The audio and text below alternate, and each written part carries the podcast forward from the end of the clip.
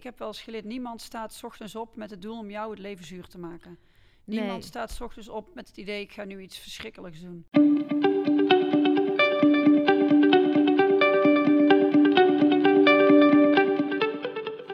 Welkom bij seizoen 3 van de podcast Stilstaan voor Dummies. Een rehab voor druktemakers, eerste hulp bij stilstaan.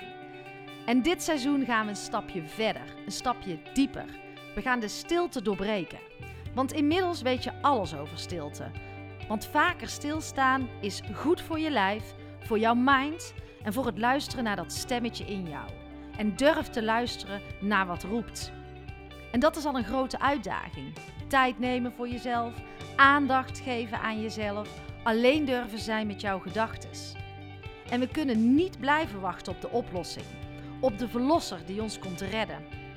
De oplossing zit niet in veel, in meer, in drukte, in veiligheid, comfort, verdoven of vluchten. Die oplossing die zit in jou en we gaan het samen aankijken. Jij mag het gaan aankijken. Jouw mooie kanten, maar zeker ook jouw schaduwkanten. We kunnen in van alles investeren: in vastgoed, bitcoins, Netflix. Maar de meest waardevolle en nodige investering die ons roept, is die in jezelf. Dat is het medicijn. Want als jij iets in jezelf verandert, daarin jouw verantwoordelijkheid gaat nemen, verandert ook de wereld om jou heen. Het start bij jou. Laten we elkaar hierin helpen, de verbinding zoeken en het is tijd voor actie.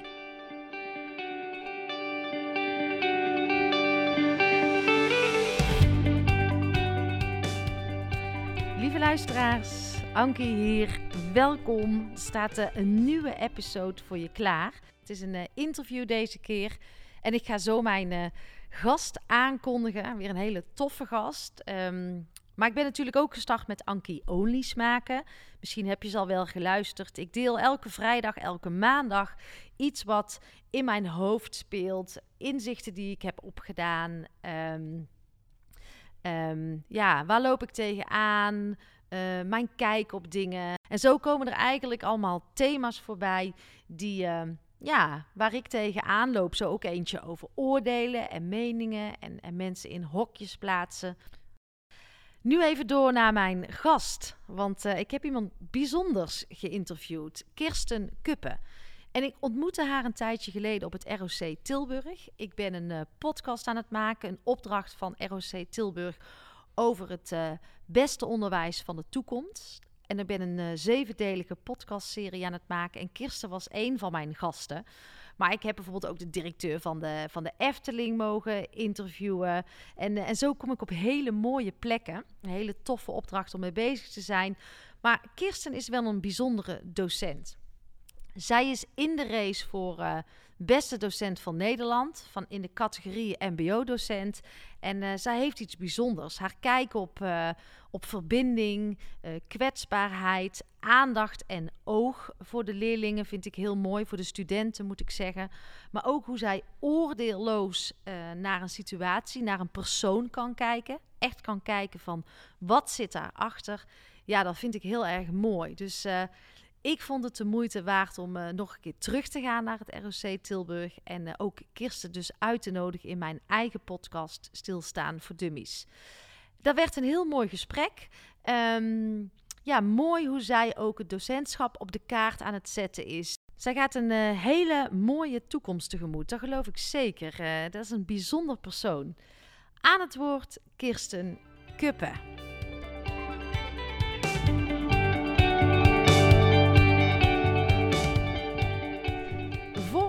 Zit een lerares Nederlands.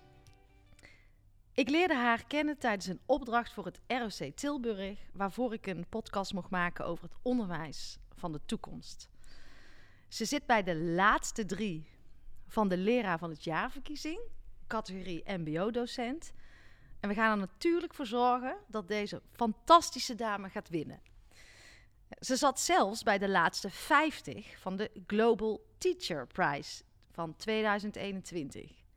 Verbinding staat voor deze lerares hoog op de agenda, voor deze docent. Eh, ze rapt met Ali B, of beter gezegd, hij rapt voor haar. We moeten even goed kijken. En ook uh, voor een deelname in de talkshow van uh, Johnny de Mol draait ze haar hand tegenwoordig niet meer om. Zo'n docent waar iedereen het over heeft en waar je na je studie nog over praat. Weet je nog, toen, dat moment, dat gevoel, die mooie herinnering. En daar willen we natuurlijk meer over weten, want voor mij zit Kirsten Kuppen. Nou, wat een introductie. Dankjewel. Zat ik ernaast. Is het eigenlijk docent of lerares? Want, um...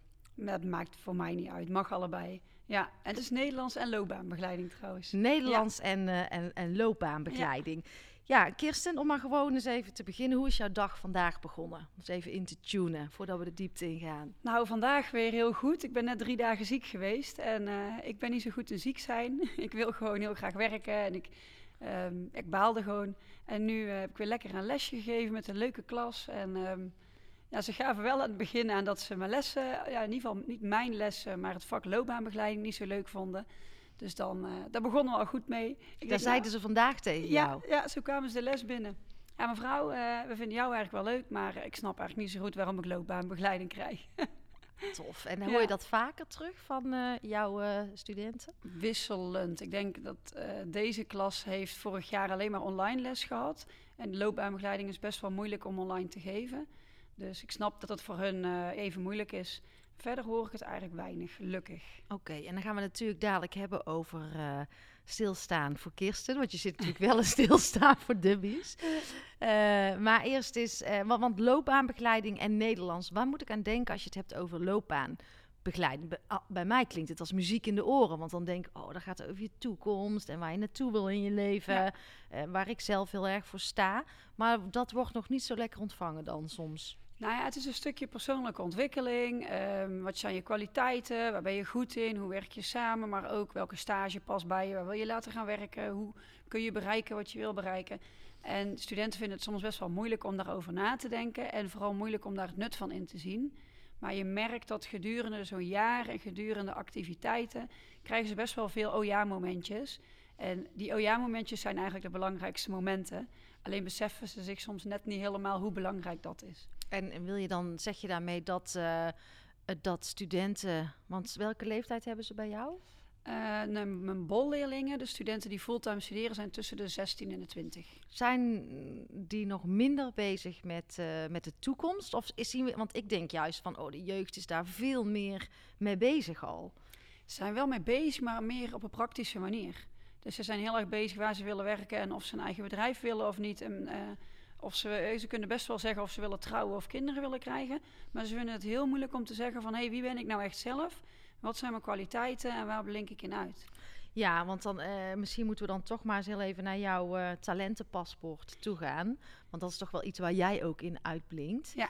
Um, er zat er ergens een innerlijk vuurtje waarom jij dit belangrijk vindt. Ja. Vertel eens.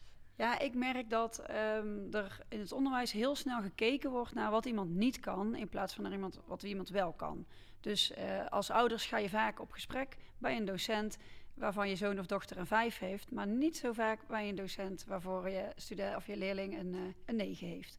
En dat is ook een beetje waar de maatschappij op in is gesteld. We worden afgerekend op onze cijfers. Alleen ik vind dat cijfers niet zoveel zeggen over jou als persoon. Dus het kan een momentopname zijn. Als jij niet lekker in je vel zit, haal je ook minder goede cijfers. Heb je geen goede klik met een docent, dan is het moeilijker om daar goede cijfers voor te halen. En het is veel belangrijker wie jij nou echt bent als persoon, wat je talenten zijn, wat je skills zijn en wat je vaardigheden zijn. En uh, dat kan je allemaal kwijt in een talentenpaspoort. En dat zit ook in dat stuk loopbaanbegeleiding ja. wat jij doet. Ja. Maar uh, dan ga ik even terug naar de lagere school we, we, leren, we leren zo nog niet. Als ik kijk naar mijn eigen kinderen, dat je echt naar de talenten kijkt. We willen het allemaal wel en we vinden het allemaal belangrijk. Um, en wij hebben zelf dan een academie ontlaat. En, en zelfs, ik moest het ook opnieuw leren op mijn 38ste. Ja. Hoe komt het toch dat, dat we daar zo, nou ja, misschien toch wel op achterlopen en het wel belangrijk vinden? Heb jij daar een, visie over? Ja, ik vind dat ook heel moeilijk. Want ik heb acht jaar lang lesgegeven op een basisschool. En dat is, dit is een van de redenen dat ik daar weg ben gegaan.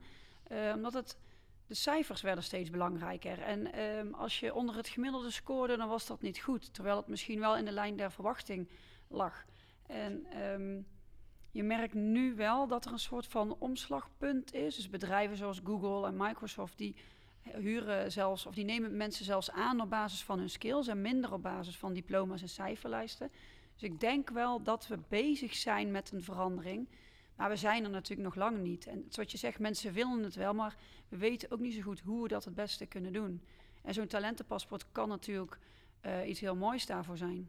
Ja, nee zeker. Ja, bij ons was het dan op de lagere school. Als je dan uh, wat, wat beter mee kon, dan uh, kwam je in de Dolphins, Dolphins klas. Ja. Uh, en dat was natuurlijk fantastisch dat mijn dochter erin zat. Maar tegelijkertijd voelde het ook zo als als jij in de Dolphins terechtkomt, dan ben je misschien, ja, ehm, nou ja, het werd als slimmer gezien. Ja, je wordt als beter, als slimmer. Je hebt ook maan en zon en ster, dat zijn ook niveaus. En dat is jammer, hè? Dus op die manier gaan mensen zich heel erg met elkaar vergelijken. Exact. En je ziet dus nu ook hier op het MBO, studenten zeggen ook van ja, zo het MBO is toch ook gewoon laag. Je bent toch ook gewoon dommer. Terwijl ik denk, nee, je bent niet laag, je bent niet dommer. Het is gewoon een andere manier van je kwaliteit te benutten. Mhm. Iemand op de universiteit is veel meer theoretisch. En die hebben we ook nodig. Maar mensen op het MBO die zijn heel erg praktisch en die hebben we ook nodig. Het is een andere manier. En ik denk dat we daar uh, veel meer de nadruk op moeten leggen. En niet meer op hoog of laag of dom of slim. Het is gewoon anders. Ja, nee, daar heb je volgens mij echt iets, iets heel moois te pakken. Want wat ook wel gebeurde is toen zij uit die Dolphins-klas moest... toen had ze weer het gevoel, ik ben weer niet goed genoeg. Ja, precies. En ik, toen dacht ik, waarom doen we dit eigenlijk op school? En het is continu van, jij bent beter, jij, of jij bent minder goed, jij bent hoger, jij bent lager. En ik verwonder me wel sinds ik dus deze opdracht mag doen ook voor het ROC Tilburg die podcast die komt denk ik ergens in, uh, in, in, november uh, live. Dat ik denk, ja, hoger en lager opgeleid. Nee. Het is toch niet fijn? Nee, eh, ik vind dat verschrikkelijk. En het, het zorgt er ook voor dat mensen minder zelfvertrouwen hebben. Van, hé, ik doe toch maar mbo, dus ik ben toch maar dom. Ja. En dat is zo jammer, want je merkt dat studenten hier juist goed hebben nagedacht over waar ze goed in zijn en al een bepaalde richting kiezen. En, nou en ik geef natuurlijk les aan techniekstudenten. Ja, die hebben 100% baangarantie. Dus hoe slim ben je dan? Ja. Ja, ik, ik, ik vind het fantastisch toen ik hier uh, rondliep. Ik heb heel lang ook geen oog, en dat zeg ik eerlijk, sorry luisteraars, uh, geen oog gehad voor het MBO. Nee, heel veel. En ik denk dat heel veel mensen dat hebben. En toen ik hier dus binnenliep, en toevallig was ik gisteren op het Suma College, een presentatie.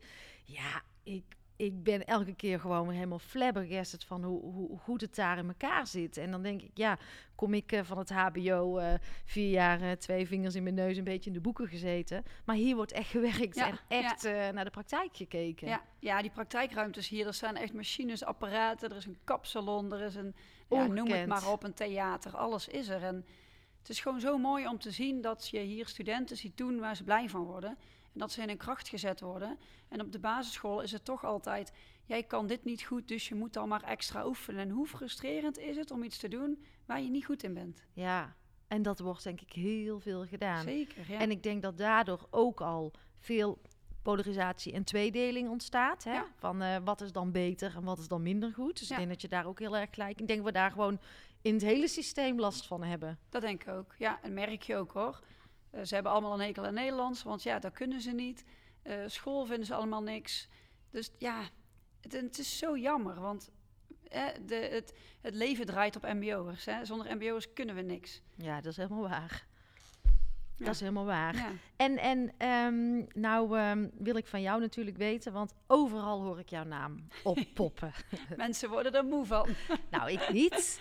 Maar wat, ik, uh, wat maakt jou, en er komt natuurlijk ook een stukje bescheidenheid naar boven, maar wat maakt jou nou die lerares, die beste docent van Nederland? Wat is er nou zo uniek aan jou? Ik, zit, ik zie jou, ik ken jou nou een tijdje, maar zou je dat zelf ook wat zeg je dan zelf? Ja, dat is dus moeilijk, hè? Dan zeg je een stukje bescheidenheid. Nou, ik heb wel door deze competitie geleerd om het over mezelf te kunnen zeggen. En wat ik denk ik heel erg duidelijk doe, is heel erg zien um, wat er achter een persoon zit. Dus ik oordeel niet op gedrag, maar ik kijk wat erachter zit. Dus ik bekijk wat is iemand voor persoon en ik probeer diegene in zijn kracht te zetten. Dus, en dan kom je weer op talenten, kom je weer op kwaliteiten. En ik vind dat zo belangrijk om om mensen te zien groeien en om mensen te zien stralen en in zichzelf te zien geloven. En, daar draag ik graag aan bij. Dus ik ga in gesprek met studenten. Ik oordeel niet. Ehm, ja, ik denk dat dat gewoon heel belangrijk is. En dat als je ziet dat een student zich eh, goed voelt en zelfvertrouwen heeft, dan komt die ontwikkeling wel en dan komt die groei wel en dan komt die wel tot leren. Maar ik denk dat de basis is goed in je vel zitten, in jezelf geloven en gebruik kunnen maken van je eigen talenten. En daar probeer ik voor te zorgen. Ja, nou ja, ik, ik kwam net binnen en toen zag ik jou ook lekker praten met, uh, ik, ik, denk dat het een student was. Ja, oud student, ja. Ja, die dan ook uh, jou heeft gevolgd uh, op tv en daar zo over praten. Dan denk je, ja, je maakt, dan kan ik dan even observeren, je maakt wel echt contact, denk ja, ik. Ja. ja, ik zeg altijd, volgens mij staat er op mijn hoofd geschreven, wil iedereen zijn persoonlijke levensverhaal tegen mij vertellen, maar dat is ook echt. Ik, als ik aan de student vraag hoe is het, dan krijg ik nooit weer goed. Dan komt er altijd meer uit, omdat ze zich wel gewoon vertrouwd voelen bij mij. En um, ja, ik vind dat persoonlijke contact en die relatie vind ik heel belangrijk. Ik, uh, ik sta niet boven ze, we staan gewoon gelijk. We zijn allemaal volwassenen. En ik zeg wel als je, je bent een soort van pad aan het belopen in je leven. En, die, en dat pad is gelijk, alleen ik ben door mijn leeftijd en mijn ervaring al iets verder op dat pad. Maar ik sta niet hoger of lager. Nee, nou dat is mooi. Ik zet me denkbeeldig ook altijd naast personen. Precies. En uh, Ja. we hadden het er net even over dat we dan volgende week ik naar Ali B ga. En dan moet ik ook wel weer eventjes denken van, oh die is... eh, ja, ik kijk wel naar hem op. Ja. Maar voor je het weet zit je ook zo in die energie in een gesprek met iemand. Ja, ja. En ik vind het wel een mooie tip wat jij ook zegt. Zet je er ook gewoon echt denkbeeldig naast of tussen. Of. Maar nooit boven of onder. Nee, en hij is natuurlijk door zijn ervaring misschien ook al iets verder op dat pad, want het is een beroep. Maar ja, je bent wat dat betreft gewoon hetzelfde. Iedereen is gelijk. Ja. Ja. dat zou toch wel heel mooi zijn als we dat wat meer zouden kunnen gaan bereiken in deze wereld. Hè? Ja, graag. Ja, en dat misschien, misschien ook wel. eh, ik had laatst wel dat ik. eh, vroeger keek ik natuurlijk best wel op tegen de lerares. En eh, wat, wat de lerares zegt, was, wat, dat was waar op de lagere school. En als, je, als je dan gaat werken, dan is je leidinggevende. Wat die zegt is, is waar. Maar ik begin daar zelf een beetje uit te stappen. Dat ik denk van waarom zit dat toch zo, zo in Ja. onze systemen? Van waarom mag jij niet een keer eh, de docent zijn en ik de leerling en vice versa? Ja. Snap je? Ik denk dat zo het leven is. Je kan ook, ook- van kinderen leren. Ook daarbij denk je, iedereen heeft zijn talenten, iedereen heeft zijn vaardigheden. Ik, ik was ook in het begin een beetje spannend toen ik voor de eerste keer naar Johnny de Mol Ja, ging. natuurlijk. Maar dan zit je daar van tevoren en dan ga je in gesprek met hem en dan zegt hij, ja, ik ben eigenlijk best wel zenuwachtig, want het is de tweede week en er gaan nog dingen niet goed. En ja, daar, daar, daar worden ook wel wat negatieve dingen over me geschreven. En dat is natuurlijk spannend, want je wil het graag goed doen. En dan denk je, oh ja, natuurlijk, voor hem is het ook hartstikke spannend en, en nieuw. En hij is ook nog zoekende. En dit is zijn manier van ontwikkelen. En dit is waar hij heel goed in is. Dus ook hij is niet beter of, of slechter dan een Nee. ander. Nee, iedereen maakt zijn eigen ontwikkeling door. En iedereen probeert wat.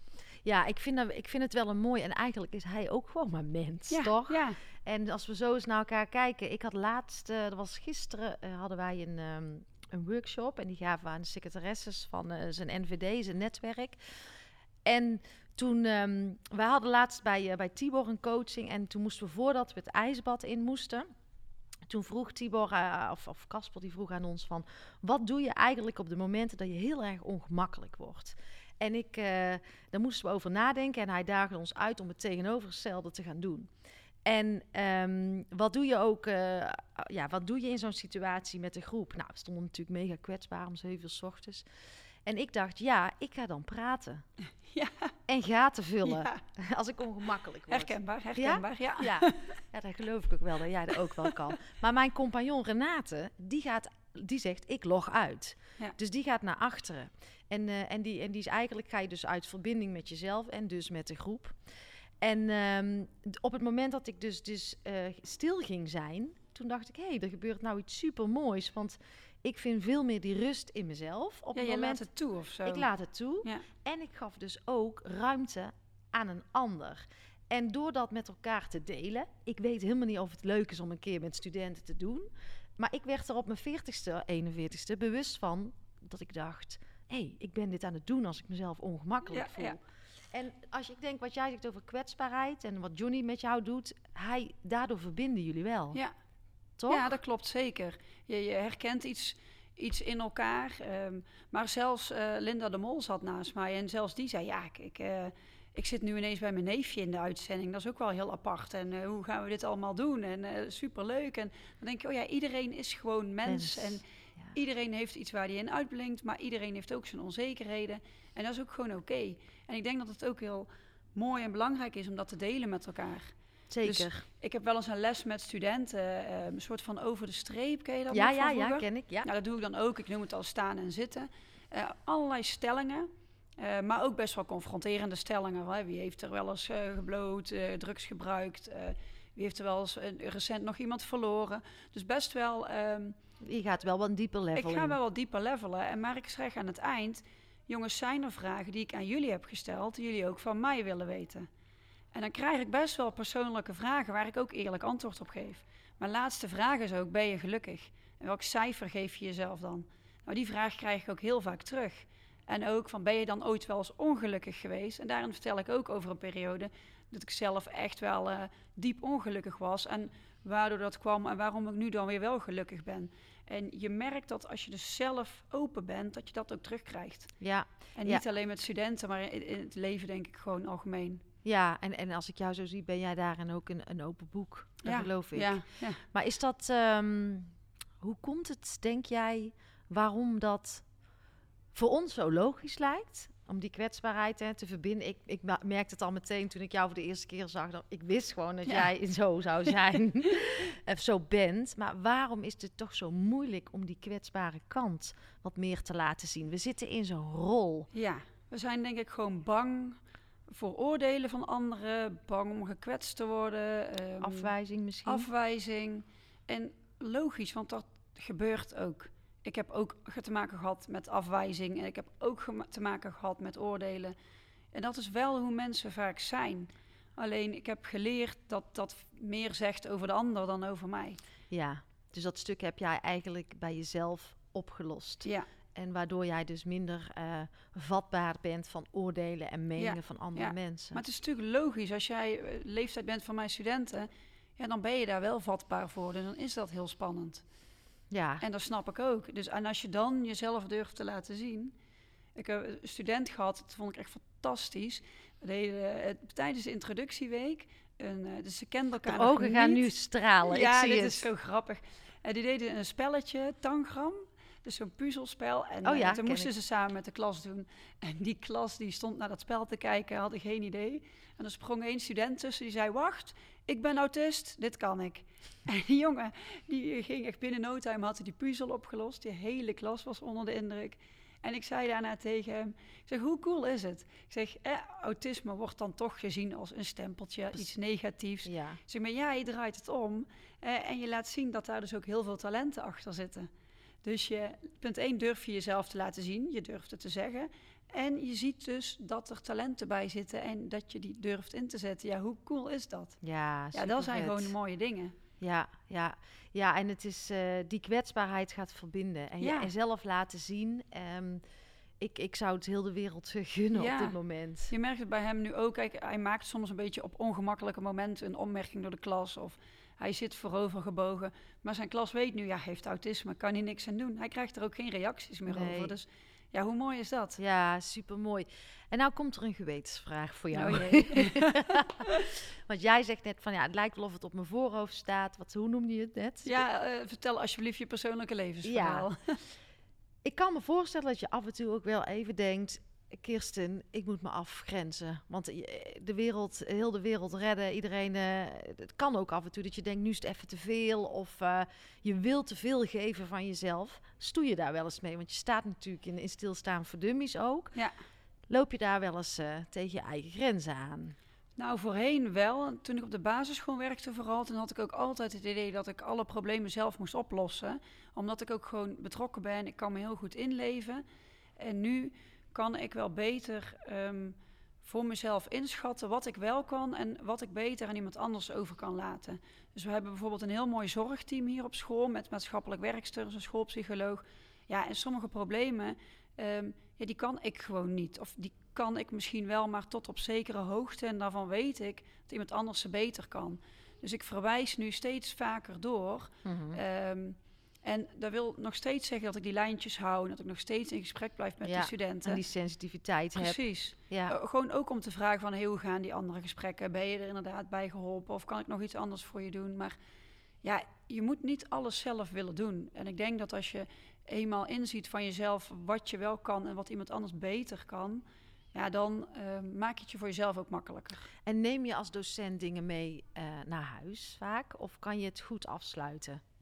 Wisselend. Kijk, um, uh, ik kan twee voorbeeldjes noemen. Um, vorig jaar had ik een jongen en die was altijd heel slecht thuis, drugsverslaafd. ja, was echt doffe ellende, had bijna een einde gemaakt aan zijn leven. die heb ik heel snel doorgestuurd. En daarvan heb ik gehoord van, nou, dat werd meteen opgepakt. Binnen een week zat daar hulp op hij vond zich daar oké bij. Dan kan ik het iets meer loslaten. Mhm. Eh, maar daarvoor had ik een jongen wiens moeder was overleden. Uh, ja, die was heel verdrietig, die wist niet meer wat hij moest doen. En ik kon me heel erg goed inleven in zijn situatie, omdat mijn moeder ook is overleden. Mhm. Ja, als je dan thuis zit, moet je toch wel aan die jongen denken. In zo'n vakantie was dat toevallig ook nog dat je denkt: oh, als het maar goed gaat en als hij het maar redt. En dan stuur ik hem af en toe nog een appje. Dus um, ja, bij mij is het afhankelijk van hoe dichtbij het mijn eigen situatie ja, komt. Ja, en dit raakt natuurlijk ook jou. Dit raakt mij persoonlijk, ja. ja. ja. en dan kan ik me ook voorstellen dat dat gewoon heel dichtbij komt op zulke momenten. Ja. Maar je kunt in, de basis zeggen, ja, kan ik goed uh, weten wanneer ik het uit handen moet geven of wanneer ik het los kan laten als docent. Ja. Ja, want je lijkt mij, het lijkt mij dat je ontzettend veel verhalen. Ja, je krijgt heel veel verhalen. Maar van de andere kant is het ook wel weer mooi en bijzonder. En dat, dat ze het met je willen delen. Ja. En als je dan iemand kan helpen, dan is eigenlijk dat al, voelt dat zo goed, ehm, dat je het als je thuis zit wel los kunt laten. Super. En jij bent uh, docent Nederlands. En dan moet ik even goed denken wat jij net zei. Um, wat zei je nou? Loopbaanbegeleiding? Ja. ja. Vertel eens even waarom je, hoe kom je nou als leraar, lerares Nederlands? Van, hoe, hoe is dat pad gegaan? Ik ben daar heel nieuwsgierig naar. ik heb een flink pad gehad. Nou, neem ons eens eh, mee. Ik uh, ben begonnen op een basisschool dus. Ik heb acht jaar lang daar op een basisschool gewerkt. Daarnaast heb ik Playing for Succes uh, mee opgericht hier in Tilburg. Dat is een project wat bij verschillende voetbalcentra zit... voor kinderen die sociaal-emotioneel niet helemaal lekker in hun vel zitten. Mhm. En die komen dan daarheen. Um, ik had toen altijd al het idee wel dat ik naar het MBO wilde. Maar het was best wel moeilijk om daar binnen te komen. Ik was natuurlijk niet tweede graads bevoegd. Dus Tuurlijk, ja. Um, ik heb een tussenstapje gemaakt naar het voortgezet onderwijs. Um, eerst een topsportklas begeleid. Omdat ik dus die ervaring bij het uh, voetbalstadion had, kon ik daarheen gaan. Nice. Uh, heel bijzonder. Hele andere soort kinderen die heel anders in het leven staan. Uh, super gemotiveerd en gefocust op hun sport. Uh, vanuit daar ben ik naar het praktijkonderwijs gegaan. Ja, dan zit je puur op gedrag. En dat is wel iets wat ik mega interessant vind um, om daarmee te werken. Mhm. Ik heb toen ook mijn, uh, uh, mijn master gehaald. Dus ik, mijn specialisatierichting is ook gedrag. En nou, daarna kreeg ik gelukkig de kans op het MBO. En het mooie is, als je PABO hebt gedaan, is je natuurlijk je je basiskennis, je algemene vaardigheden, die zitten goed. Mhm. Dus die vakken mag je dan ook geven. Oké. Dus ik heb in het begin Nederlands, rekenen, burgerschap, uh, keuzedelen, projecten. Nou, ik heb heel veel dingen door elkaar gedaan. Mhm. En ehm, uiteindelijk heb ik mijn PDG gehaald, een pedagogisch didactisch getuigschrift. Dat is uh, oorspronkelijk voor zij-instromers bedoeld. Dus werk je nu in een bedrijfsleven en wil jij les komen geven op het MBO, dan kan je in twee jaar dat gaan halen. En dan ben je bevoegd om les te geven op het MBO binnen je praktijkgebied. Ja, ja, ja. En ik mocht dat dan op Nederlands rekenen. Dus de algemeen vormende vakken. Okay. Vanwege mijn ervaring. Ja. Um, dus zo ben ik bij Nederlands gekomen. En um, ja, wat ik daar dus heel leuk aan vind, is dat ze studenten het eigenlijk helemaal niet leuk vinden. dus, uh, als ik de eerste les vraag, wat vinden jullie van Nederlands? Verschrikkelijk, stom, saai. Moeten we weer boeken gaan lezen? Ja. Moeten we weer gaan ontleden? En het is dan mijn uitdaging om hun in te laten zien hoe nuttig het is en waarvoor ze het nodig hebben op hun werk. En om dan de lessen zo praktisch mogelijk in te richten.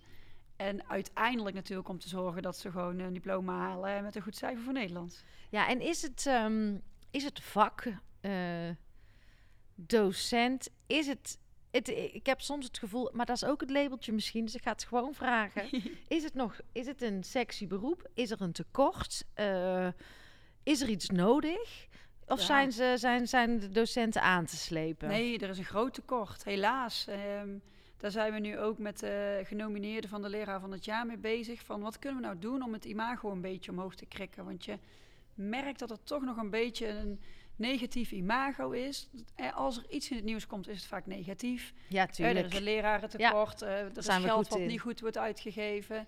Eh, gebeurt er iets een keer op mijn school, komt dat in het nieuws.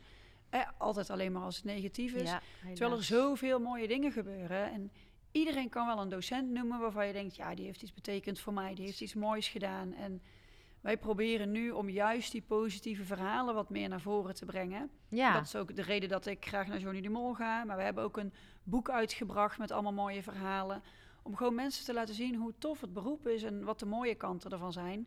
In de hoop dat meer mensen daarvoor willen gaan kiezen. ja, en wat, ja, wat jij net ook zei, en dat hoorde ik gisteren ook bij dat Suma-college. ehm, ik denk dat mensen misschien wel de brug te lang of te groot maken om over te stappen. en als jij zegt, nou, je kunt binnen twee jaar Ja. eh, ehm, jezelf omscholen. Ja. En ik denk dat heel veel onwetendheid er is. Zou dat kunnen zijn? Want Ja, in ja. principe, stel nou dat er nu luisteraars zitten. En ik ben echt voor eh, voluit leven en ga voor je dromen. en je bent maar één keer. ehm, ja, je, hebt maar, je kunt je tijd maar één keer uitgeven. Je leeft ook maar één keer. Stel nou dat mensen zeggen: Wauw, ik zou toch wel eens die, die, die brug naar het onderwijs. eh, ja, dat pad willen gaan bewandelen. Wat moeten ze dan doen? Wat kan, je- hoe kan jij ze. Ja, ik zou sowieso altijd zeggen, zetten. kom eerst een keertje meelopen. Want ja, wat, jij, wat we aan het begin ook zeiden, er zijn best wel veel vooroordelen. Toen ik op het mbo ging werken, zeiden mensen, zo, nou dat is knap, want dat is een pittige doelgroep. Ja, En ik denk nu, pittige doelgroep, het is fantastisch hier. ja. Ehm, dus ga een keertje kijken om te ontdekken van, ja, wat past het best? Past basisschool, voortgezet onderwijs, eh, mbo? Zodat je er in ieder geval een beetje een beeld van krijgt. En dan zijn er allerlei instanties. Je hebt het onderwijsloket, maar ook het onderwijsloket in Midden-Brabant. En die kun je helemaal helpen met het bewandelen van de juiste route. Ehm, dus het kan in vier jaar op het Fonties met een lerarenbeurs, maar je kan ook je PDG behalen. Er zijn veel meer manieren. En ik merk dat ze nu ook aan het investeren zijn in maatwerktrajecten om te Mhm. kijken wat kun je al en wat heb je dus nog nodig om een goede docent te worden. Dus ook het pad naar leraar toe wordt gewoon makkelijker gemaakt. En dat was vroeger ook niet. En dat is wat mensen denk ik ook nog steeds weten. Ja, daar zitten we nog in het oude patroon te Ja. denken. Ja, En ehm, qua financiering kan me dat ook wel eh, voorstellen dat mensen daardoor niet in beweging komen. Maar zijn er beurzen of zijn er subsidiepotjes? Of, of... ja, er is een lerarenbeurs. Dus als je een lerarenopleiding wil doen, dan kan je dus aanspraak maken op de lerarenbeurs.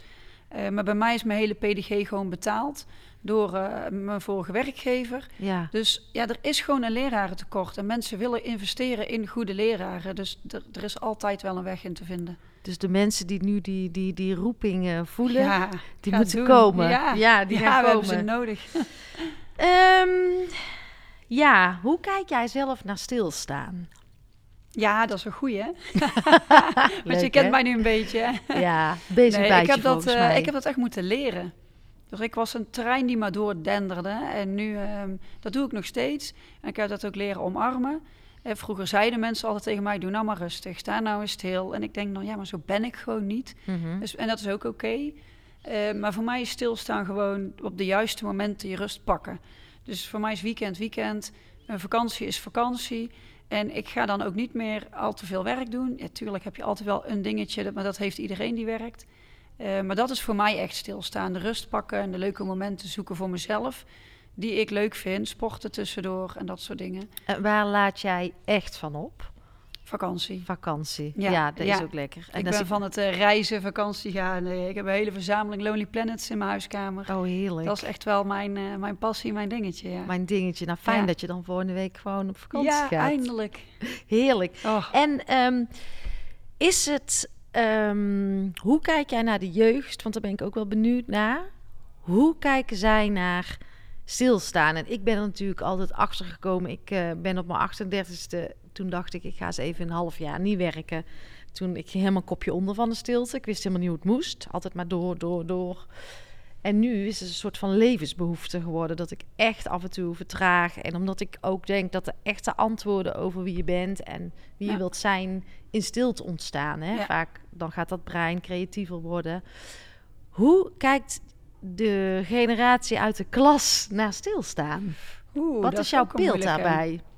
Ik denk dat zij wel stilstaan, maar niet heel bewust. Hmm. Dus zij liggen gewoon af en toe, zoals ze het zelf noemen, lam op de bank op een telefoon te staren. Dat is voor hun natuurlijk ook een moment van stilstaan. Maar ik denk niet dat ze op dat moment bewust zijn van dat ze aan stilstaan zijn. Nee, nee, nee. Zo veel minder aandacht voor Ja. in, in die bewustwording. En als we het dan hebben over eh, spiritualiteit of, eh, of mediteren, of eh, is dat echt, hebben, ik- we het dan over iets geks? Ja, bij mijn studenten denk ik wel. Het zijn natuurlijk techniekmannen, dus die zijn vrij direct Ja, ja. en, en praktisch. Dus als ik tegen hun aan het woord mediteren überhaupt zou noemen, dan eh, krijgen ze denk ik al kriebels. Dan gaan ze lachen. Ehm, ja, voor hun is dat echt iets ver van een bedshow, heel erg zweverig. ja. Ik denk ook niet iets waar zij nu al aan toe zijn. Ik denk dat ze daar echt nog te jong voor zijn. Ja, ik zit als ik weet helemaal niet of die generatie ehm, onder ons al veel meer bezig is met eh, zingeving, bewustwording. Ik ben het een beetje aan het verkennen ook Ja. eh, in, in, op, op dit moment van. Ja, bij mij kwam het omdat ik, ja, je wordt ouder, ik ging Ja. stilstaan. Maar soms spreek ik, ehm, ik, ik heb nu bijvoorbeeld mijn, eh, mijn coach die, die mij nu PT-lessen geeft. Volgens mij is ze pas 20. Maar al zo ver in hoe ze er gevoel toepast en naar de ademhaling luistert. Maar dat denk ik wel hoor. Ik denk dat mensen er nu wel jonger bewust van zijn. Eh, want ik herken jouw verhaal ook. Ik denk dat het, ik in mijn dertiger jaren pas eh, bewust ervan ben geworden. ja. Ik denk dat mensen er nu wel jonger bewust van zijn. Maar ik denk dat mijn studenten echt nog te jong en, en, en ja, onvolwassen... is misschien ook niet echt het goede woord... maar nog te speels en te zoekende, zeg maar. Ja, ja, ja. Ja, nou, ik, ik ben benieuwd. Ik weet ook helemaal niet hoe dat proces gaat. Ik bedoel, wij als ouders geven dat weer door aan kinderen natuurlijk. Ja. Ligt denk ik ook wel... Want hoe is het uit wat voor omgeving je komt? Hoe belangrijk is dat voor een student? Super belangrijk. Ja, wat ik net zei, die student die het moeilijk heeft thuis, die kan zich natuurlijk nooit focussen op zijn studie. Die ging volledig mis. Ehm, maar ook over zingeving, als je een beetje kijkt naar eh, uit wat voor gezinnen mijn studenten komen. Als je ouders daar niet mee bezig zijn, dan leer jij dat dus niet. En dan, als je ouders het onzin vinden, vind jij het natuurlijk ook onzin. Ja, Dus, Ja, ja, het dus is maar net uit welk gezin je Ja. komt, wil je zeggen. Ja, En, en wegkijken en, en aankijken, dat vond ik ook wel, vind ik ook wel een mooi thema. Want we zijn vaak kunnen we het ook goed praten voor onszelf. Mhm. En ik zeg altijd tegen mijn kids van, eh, ja, je kunt niet iets, eh, iets recht lullen wat krom is. Maar hoe gaat dat in deze, hoe gaat dat met deze generatie? Hoe, hoe is de zelfreflectie al? Nou, die vind ik bij mijn studenten best wel goed. Ehm, het is ook heel erg niet lullen, maar poetsen. Dus ik kan ze heel direct aanspreken. En ehm, zolang je dat doet zonder oordeel, dus eh, alleen benoemt wat je concreet ziet qua gedrag, ja, Ja. dan, dan kunnen ze er ook niet meer onderuit. En dan herkennen ze het ook wel. En oordeelloos naar iets kijken, ja, ik vind dat verdomd lastig. Ja. Hoe doe jij, hoe kan je wat, wat handvatten aanreiken, hoe je dat doet richting jouw studenten? Van wat, wat Ja, leren, of geef me ons eens wat mee van hoe kan je die oordeelloos naar die situatie kijken? Nou ja, het is natuurlijk in sommige situaties heel moeilijk. Want soms heb je van nature een oordeel, omdat het gewoon niet past bij jouw waarden en normen. Ehm, maar ik denk dat het heel belangrijk is om te bedenken wat er, erg, wat er achter zit. Mhm. Dus ik heb een, een jongen gehad waarbij ik achter was gekomen dat hij drugsdealer was. Mm. Ja, eh, we, we kunnen links of rechts om eh, lullen, maar het is niet goed, het is strafbaar. Mhm. En eh, natuurlijk vind ik daar ook iets van. Maar die- iemand doet zoiets niet zonder reden, daar zit iets achter. En de vraag is dus, wat zit daarachter? Dus ik denk dat als je continu bedenkt voor jezelf, waarom doet iemand dat wat hij doet, Ehm, dan oordeel je ook niet. Mhm. Want zodra je begrip hebt voor iemands situatie, ehm, ja, dan kan je ermee aan de slag. En dan oordeel je dus inderdaad ook niet. Nee, dus jij zegt echt van probeer te kijken naar de persoon achter de persoon. Ja, probeer gewoon te kijken wie de persoon is en waarom die doet wat hij doet. En het uitgangspunt te hebben dat niemand in de basis slecht is. Nee, ik heb wel eens geleerd, niemand staat 's ochtends op met het doel om jou het leven zuur te maken. Niemand Nee. staat 's ochtends op met het idee, ik ga nu iets verschrikkelijks doen. Dat er gebeurt iets, er is, ligt iets achter. Ja, en je kijkt natuurlijk ook met je eigen filters erom. Zeker, De, ja. Tenminste, door je eigen filters ook weer hoe jij bent opgevoed. ja. En eh, dat is wel iets waar ik ook echt mee aan het oefenen ben, is om oordeelloos naar, naar, naar een situatie te kijken. En ik vind dat best wel ehm, bevrijdend. Maakt het je makkelijker, ja. Maar het is ook iets maatschappelijks, hè. Want eh, eh, de maatschappij is gewoon, het ene is goed en het andere is fout. Dus we worden daar gewoon mee opgegroeid. Ja, het is, eh, er zijn er iemand, mensen die een hoge eh, die, die hoge behoefte hebben om, om te evalueren, die oordelen ook heel veel. Dus als Ja. je alles maar wil evalueren en verklaren, dan oordeel je ook veel meer over een ander. En het gaat over eh, goed of slecht, of hoger of lager. Precies. Dus eigenlijk leven wij ook in een soort van. Nou, nou we worden eigenlijk in een polarisatiemaatschappij opgevoed. Ja, zo'n tweedeling, wat jij net ook al zei. Ja. En daar moeten we denk ik die angel uit zien te nou, halen. ja, dat vind ik dus ook. Ja, daar ben ik het helemaal mee eens. En dan hebben we nog ehm, een ander thema. Eh, gezondheid. Bewegen, slapen, voeding, mindset. Hoe kijk jij daarnaar als eerste? En hoe kijkt jouw student naar dit thema?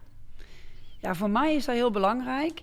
Ehm, ik merk nu ook, ik heb het zo druk gehad, ook door eh, die nominaties. Ja, Dus, joh. eh, dan kom je die podcast, dan kom je in een interview, iedereen komt langs en alles wat ik het doe, moet ik in mijn eigen tijd inhalen. Ja, Dus ik heb zeven weken niet gesport. Ja, ik merk het aan mijn lijf en ik vind dat heel erg. En ik eh, ben iemand die drie keer in de week sport, gezond eet. Ehm, en als ik ongezond eet, dan is het in het weekend. Ik hou echt wel van een wijntje en Tuurlijk, plezier, maar ehm, altijd wel met mate. En ja, voor mij is dat gewoon heel belangrijk om je fit te voelen. Ja, En eh, ik functioneer ook veel beter dan, merk ik. En nu eh, ik minder gezond heb gegeten en minder heb gesport... Ja, dan ga je op een soort van automatische piloot en ren je overal doorheen. En dat is ook prima voor een tijdje, maar Mhm. dat moet je geen eh, jaren volhouden. Ehm, dus ik ben me daar wel heel bewust van en vind dat heel belangrijk. Bij studenten is dat ook wisselend. En dat heeft ook weer te maken met thuissituatie, de omgeving. Dus sommigen zijn super fanatiek aan het sporten. Hmm. En de andere die eet elke dag drie frikandellenbroodjes en drinkt zes Red Bull erbij. Dus, eh, ja. ja, ja, Ja. echt een stereotype student. eh, die, ja. Dus het wisselt heel erg. Het is Ja. echt wel afhankelijk van hun omgeving. Ja, en waar ze vandaan komen, Ja, hoor ik jou ja, zeggen. En ja. is het ehm, vanuit het onderwijs, zie je dat daar eh, meer in gestimuleerd gaat worden? Of zou dat zich nog meer mogen ontwikkelen? En Ze hebben hier in het eerste jaar ook eh, sportlessen. Mhm. Dus op die manier wordt dat wel gestimuleerd. En dan wordt er ook gesproken over vitaliteit, gezonde voeding en dat soort dingetjes. Eh, bij het vak burgerschap, dat is een beetje een soort van maatschappijleer op de middelbare school. eh, is vitaliteit ook een van de vier pijlers. Dus ehm, ja, daar gaat het ook over sport, voeding, Ja. slapen. Ehm, ik behandel in mijn eh, loopbaanles wel eens het stukje energiek naar je werk gaan. Dus Mhm. wat is slapen? Hoe snel ben je afgeleid? Wat is nou belangrijk om je fit te voelen? Dus dat soort dingetjes bespreken we wel allemaal. Ehm, maar het is heel wisselend hoe ze daarmee omgaan. Ja, Ja, het zou nog wel meer mogen, denk Ja, jij, dit ja. thema. ja, Ja. dat denk ik ook. Ja, en wat, wat mij ook vaak opvalt, en ik zie het ook bij mensen die ik, eh, die ik vaak spreek, of in de academie ook spreek, die hebben het dan, eh laat zei iemand ook, ja, ik ben mijn huis aan het bouwen en eh, het is allemaal zo druk. Ja. En eigenlijk vergeet je, maak je de verkeer, nou, dan oordeel ik, maak je misschien niet de juiste keuzes, oordeel ik weer, want dan vind ik daar moeilijk, iets van. Ja, dat is heel moeilijk. Ik krijg binnenkort Nou, vind je het soms, soms moeilijk om de keuzes voor jezelf te maken ja, misschien? ja, precies. En die gaan dan bijvoorbeeld juist het sporten schrappen, wat jij zegt. Ja. Of juist eh, ongezond eten. Ja. Terwijl het eigenlijk zo goed is al op momenten dat je druk hebt. Dat je zorgt dat je ook die sportschool Ja. bij je houdt. Maar dat is lastig, Ja. denk ik. Ja, die combinatie kan soms lastig zijn. Een, een ex van mij die was ook aan zijn huis aan het klussen en die heeft ook heel lang niet gesport. En die dacht alleen maar, ja, maar ieder uur dat ik sport, ja, dat duurt het langer voordat het huis af is. Ja, terwijl misschien wel juist Ja. the other way Ja. around. Ja, een stukje mindset natuurlijk. hè. Het is best wel moeilijk om die knop om te zetten. Bij mij is het gewoon praktisch geweest. Gewoon ja, zo vol gepland zitten met afspraken dat ik letterlijk geen tijd had. Nee. Ehm, ja, en dat accepteer je dan gewoon dat het even zo is. Dat is ook oké. Ehm, maar dat is best wel moeilijk, denk ik. eh. Continu die balans Ja, zoeken, ja, ja. ja. ja. En ik eh, heb het ook, als ik juist heel druk ben, dan zou ik eigenlijk eh, elke dag drie uur willen mediteren. En toch kies ik ervoor om het dan niet te doen. ja, Maar ik moet zeggen, dan nu dat sporten, die tien weken waar ik dan in, in zit, omdat ik wist dat ik ook een drukke periode had. Ja, ik moet er om zeven uur staan s ochtends, maar ik vind het toch wel super lekker. ja. Het voelt, voelt gewoon heel erg goed. Nou, en je hebt het gewoon natuurlijk dan handig aangepakt door een vast moment te kiezen. Ja. Dat je daar moet staan en dan ga je ja, want anders, dat kan ik het niet. Ik Nee. heb gewoon drie ochtenden, zeven uur. ehm, mezelf ook aan gecommitteerd. Ja. Want als ik moet gaan schuiven, in, in, in, Ja. dan lukt het niet. Nee, denk nee. net als jij wel herkent. Ja, heel erg bij heel veel mensen, denk ik. Ja, en dat is ook helemaal niet erg. Je kun je ook gewoon in, eh, in leren. Waar liggen de grootste uitdagingen eh, voor een dus docent op dit moment? Waar liggen jouw grootste uitdagingen? Uh, even goed nadenken. Ja, voor, voor een docent in het algemeen is het natuurlijk belangrijk om de studenten erbij te blijven betrekken. Dus om je les continu aantrekkelijk te blijven maken. En dat is ook nog steeds mijn uitdaging. Elke klas is anders. En soms als ik denk, nou nu weet ik hoe het moet, dan krijg ik weer een andere klas. En die vinden het weer verschrikkelijk. Dus ik moet continu alert zijn en continu bedenken. Uh, wat kan ik ervoor doen om te zorgen dat mijn doel bereikt wordt met mm -hmm, de klas? Mm -hmm. En uh, ja, dat vraagt wel om creativiteit, flexibiliteit. Um, ja, soms moet je de methode loslaten en iets heel anders gaan doen. Ja. Maar dat maakt het ook wel weer heel leuk en uitdagend dat je die ruimte en die vrijheid hebt om, om daarin zoek kunnen te zijn. En uh, ja, zolang je blijft praten met die klas, contact, dan komt het wel goed. Ja. ja. en dan nog even die telefoon. En dan gaan we daarna wil ik nog even iets horen over hoe we jou kunnen helpen. Dat jij uh, docent van, uh, van Nederland, de beste docent van Nederland gaat worden. Want daar moeten we jou natuurlijk ook naartoe pushen. Ja. maar wat. Um, ja, ik ben echt die telefoon, daar krijg ik het soms helemaal van. Hij, die heeft me aardig in de tang. Ja. Hoe is dat bij de jeugd? Oh, dat is non-stop. Ja? Ja, ja. En daar heb ik in het begin ben ik daar boos om geworden, discussies over gevoerd. En van de andere kant denk ik, ja, we leven wel in 2021. Ja. Iedereen zit gewoon met die telefoon in zijn hand. Moeten we daar tegen vechten of moeten we een manier vinden om daarmee om te gaan? En ik denk dan, volgens mij is het laatste belangrijker. Ik ga niet met een telefoontas werken. Ik ga mensen er niet uitsturen. Um, wat ik heb afgesproken in mijn klas, het is ook een stukje respect. Dus als ik iets aan het vertellen ben, dan vind ik het respectloos als je op je telefoon zit of met je oortjes in je oor zit. Dat vind ik gewoon niet netjes. Ja, dat doe ik ook niet als jij aan het praten bent. Dat doe je gewoon niet. Nee. Dus dan, wil ik, dan mag je hem best op je tafel laten liggen, maar je zit er niet aan. Mhm. Um, ben je aan het werk en krijg je eventjes een appje tussendoor. Ja, het is menselijk om dan toch te gaan kijken en een berichtje terug te sturen. Ja. Prima, doe dat dan ook, als het niet ten koste gaat van je werk. Kijk, ga je de hele les zitten appen, Netflix, uh, YouTube, ja, je bent de hele tijd af. Dan um, is het natuurlijk een ander verhaal. En dan is het natuurlijk reden om met iemand in gesprek te gaan. Want je krijgt je werk niet af, het leidt je af. Maar ik denk dat we wel gewoon moeten accepteren dat het er nu gewoon bij hoort. Dus Ja. dat je gewoon moet zorgen van hoe kan je daar zo slim mogelijk mee omgaan. Ja. Voor mezelf, ik heb allemaal meldingen uitstaan. Dus bij mijn scherm komt geen enkele melding meer binnen. Nee.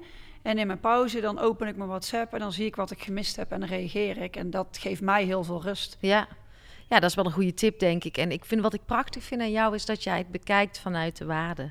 Dus niet vanuit het doel op zich, die telefoon. En oh ja, ik, ik, ik hoor mijn moeder altijd zeggen: ja, vroeger was het zo. Dat vind ik Ja. zo irritant Ja, om tegen mijn kinderen te zeggen.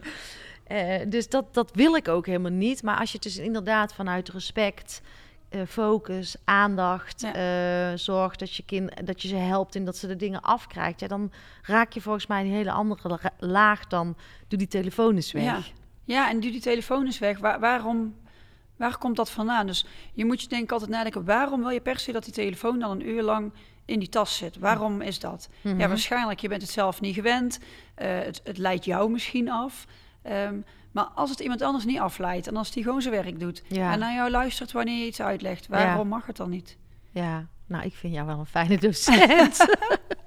Heerlijk. Kirsten, we gaan naar de afronding toe. We hebben prachtige onderwerpen. Zijn er nog dingen die jij graag aan bod wil laten komen?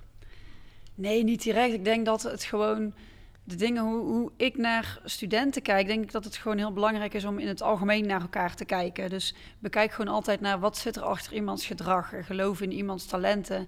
Ehm, dat is gewoon iets wat je in het dagelijks leven denk ik altijd zou moeten doen. Mhm, En dat is ook iets wat ik heel graag uit wil dragen. mhm. En daarnaast vind ik het ook gewoon heel mooi om te laten zien hoe tof werken in het onderwijs is. En hoop ik daarmee anderen te inspireren. Ehm, ik krijg soms berichtjes van beginnende docenten van... hé, hey, ik loop hier tegenaan, hoe kan ik dit doen? Nou, dat doe ik heel graag.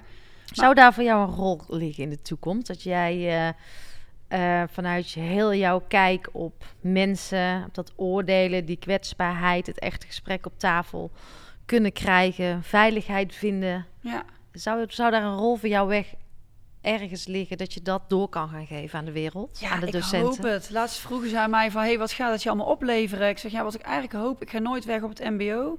Zeg Maar- nooit nooit. Nee, ja, ik kan me niet voorstellen... want ik, ik ga zo, met zoveel plezier naar mijn werk. Maar ik zou het wel willen combineren met bijvoorbeeld eh, leraren opleiden.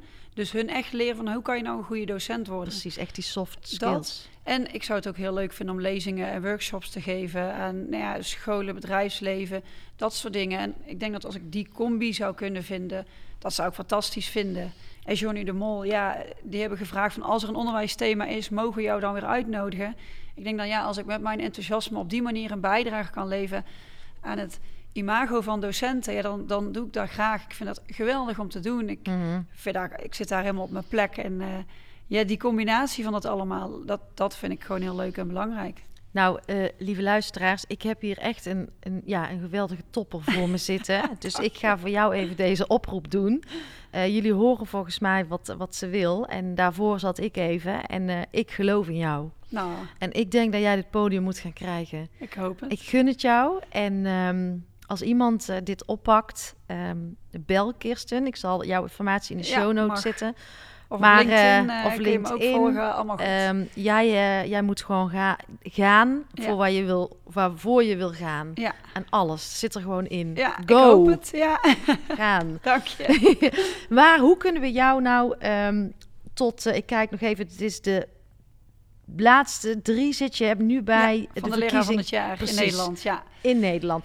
Hoe word jij eerste? Wat moeten we doen? Ik moet een pitch geven Ja? eh, over waarom ik wil winnen. De exacte inhoud weet ik dus nog niet, van twee minuten. Wanneer is die pitch? 4 eh, december tijdens de NOT in Utrecht. Wat is de NOT? Even voor de Eh, leken. de Nationale Onderwijs Tentoonstelling. Ik moet altijd even nadenken Ja. als ik afkortingen gebruik. Ja, ik vraag het Ja. gewoon. Heel goed. Ja, Ehm, en die is in Utrecht, 4 december. En daar is ook de finale. Ik krijg nog interviews van, ehm, ja, geen idee wie er in de jury zitten, dat weten we niet. En op basis daarvan gaan ze winnaar kiezen. oh, dus wij kunnen niks Nee, doen. Wij nee. kunnen niet meer kiezen. Nee, ja, ze stuurde NOT Marcel berichten dat ze voor mij moeten kiezen. Of, eh, ja. Ja. nee, dat werkt denk ik niet. Eh, want we weten ook dus niet wie er in de jury zit. Dus, eh, en dan mogen maar eh, 30 mensen aanwezig zijn. Dus ik zou anders zeggen, kom naar de NOT, maar dat mag ook Mag niet. ook niet. Dus jij moet gewoon Nee. gaan pitchen. Ja, Je wordt geïnterviewd. Ja. En bij die laatste drie, is dat wel een stemming geweest of is het ook een commissie geweest? dat is ook een commissie geweest. Dus de top 10 was op basis van eh, stemmingen. Mhm. En de top 3 eh, op basis van een jury en de winnaar ook. Maar hey, als er in jouw eh, groep iemand ziet die briljant is in pitchen en echt een geniale ingeving heeft voor mij, dan hoor ik het graag. Want ik, ja, ik wil er gewoon alles aan doen om ervoor te gaan. En de winnaar is ambassadeur van het MBO. Ja, die wil ik gewoon zijn. Ja, ja. Ik heb eh, geleerd dat als je het voor je ziet, echt voor je ziet en met, met eh, en dan noemen ze dan, je visualiseert het. Dus dan, de, je ziet jezelf op het podium staan. Wat heb je aan? Welke kleur heb je? Hoe- wat, wat voel je op zo'n moment? Dus dat je het al bent. Dan ga je het worden. Ja. En dan kun je het dus zelf manifesteren. En daar kunnen we jou bij helpen. Dus dat gaan we Ja, doen. We gaan ja want ik heb wel een, een idee, maar ik moet nog even, dan even ga- die puntjes op de i. Nou, dan gaan wij in ieder geval jou eh, allemaal visualiseren dat je daar staat en Ja. wint. Ja, top. En onze energie naar jou toesturen. En dan ga jij gewoon ehm, leraar eh, van het jaar worden. Ik hoop het. Ik ga jou bedanken, Kirsten. Ja, jij ook. Dankjewel. Joe.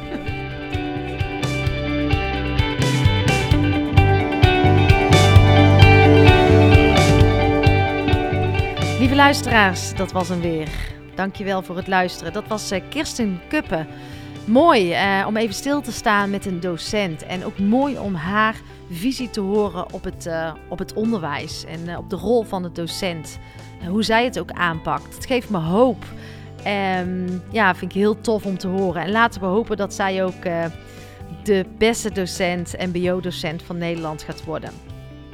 Kun jij eh, ook oordeelloos eh, naar een situatie kijken? Probeer je ook te kijken wat er achter een persoon zit.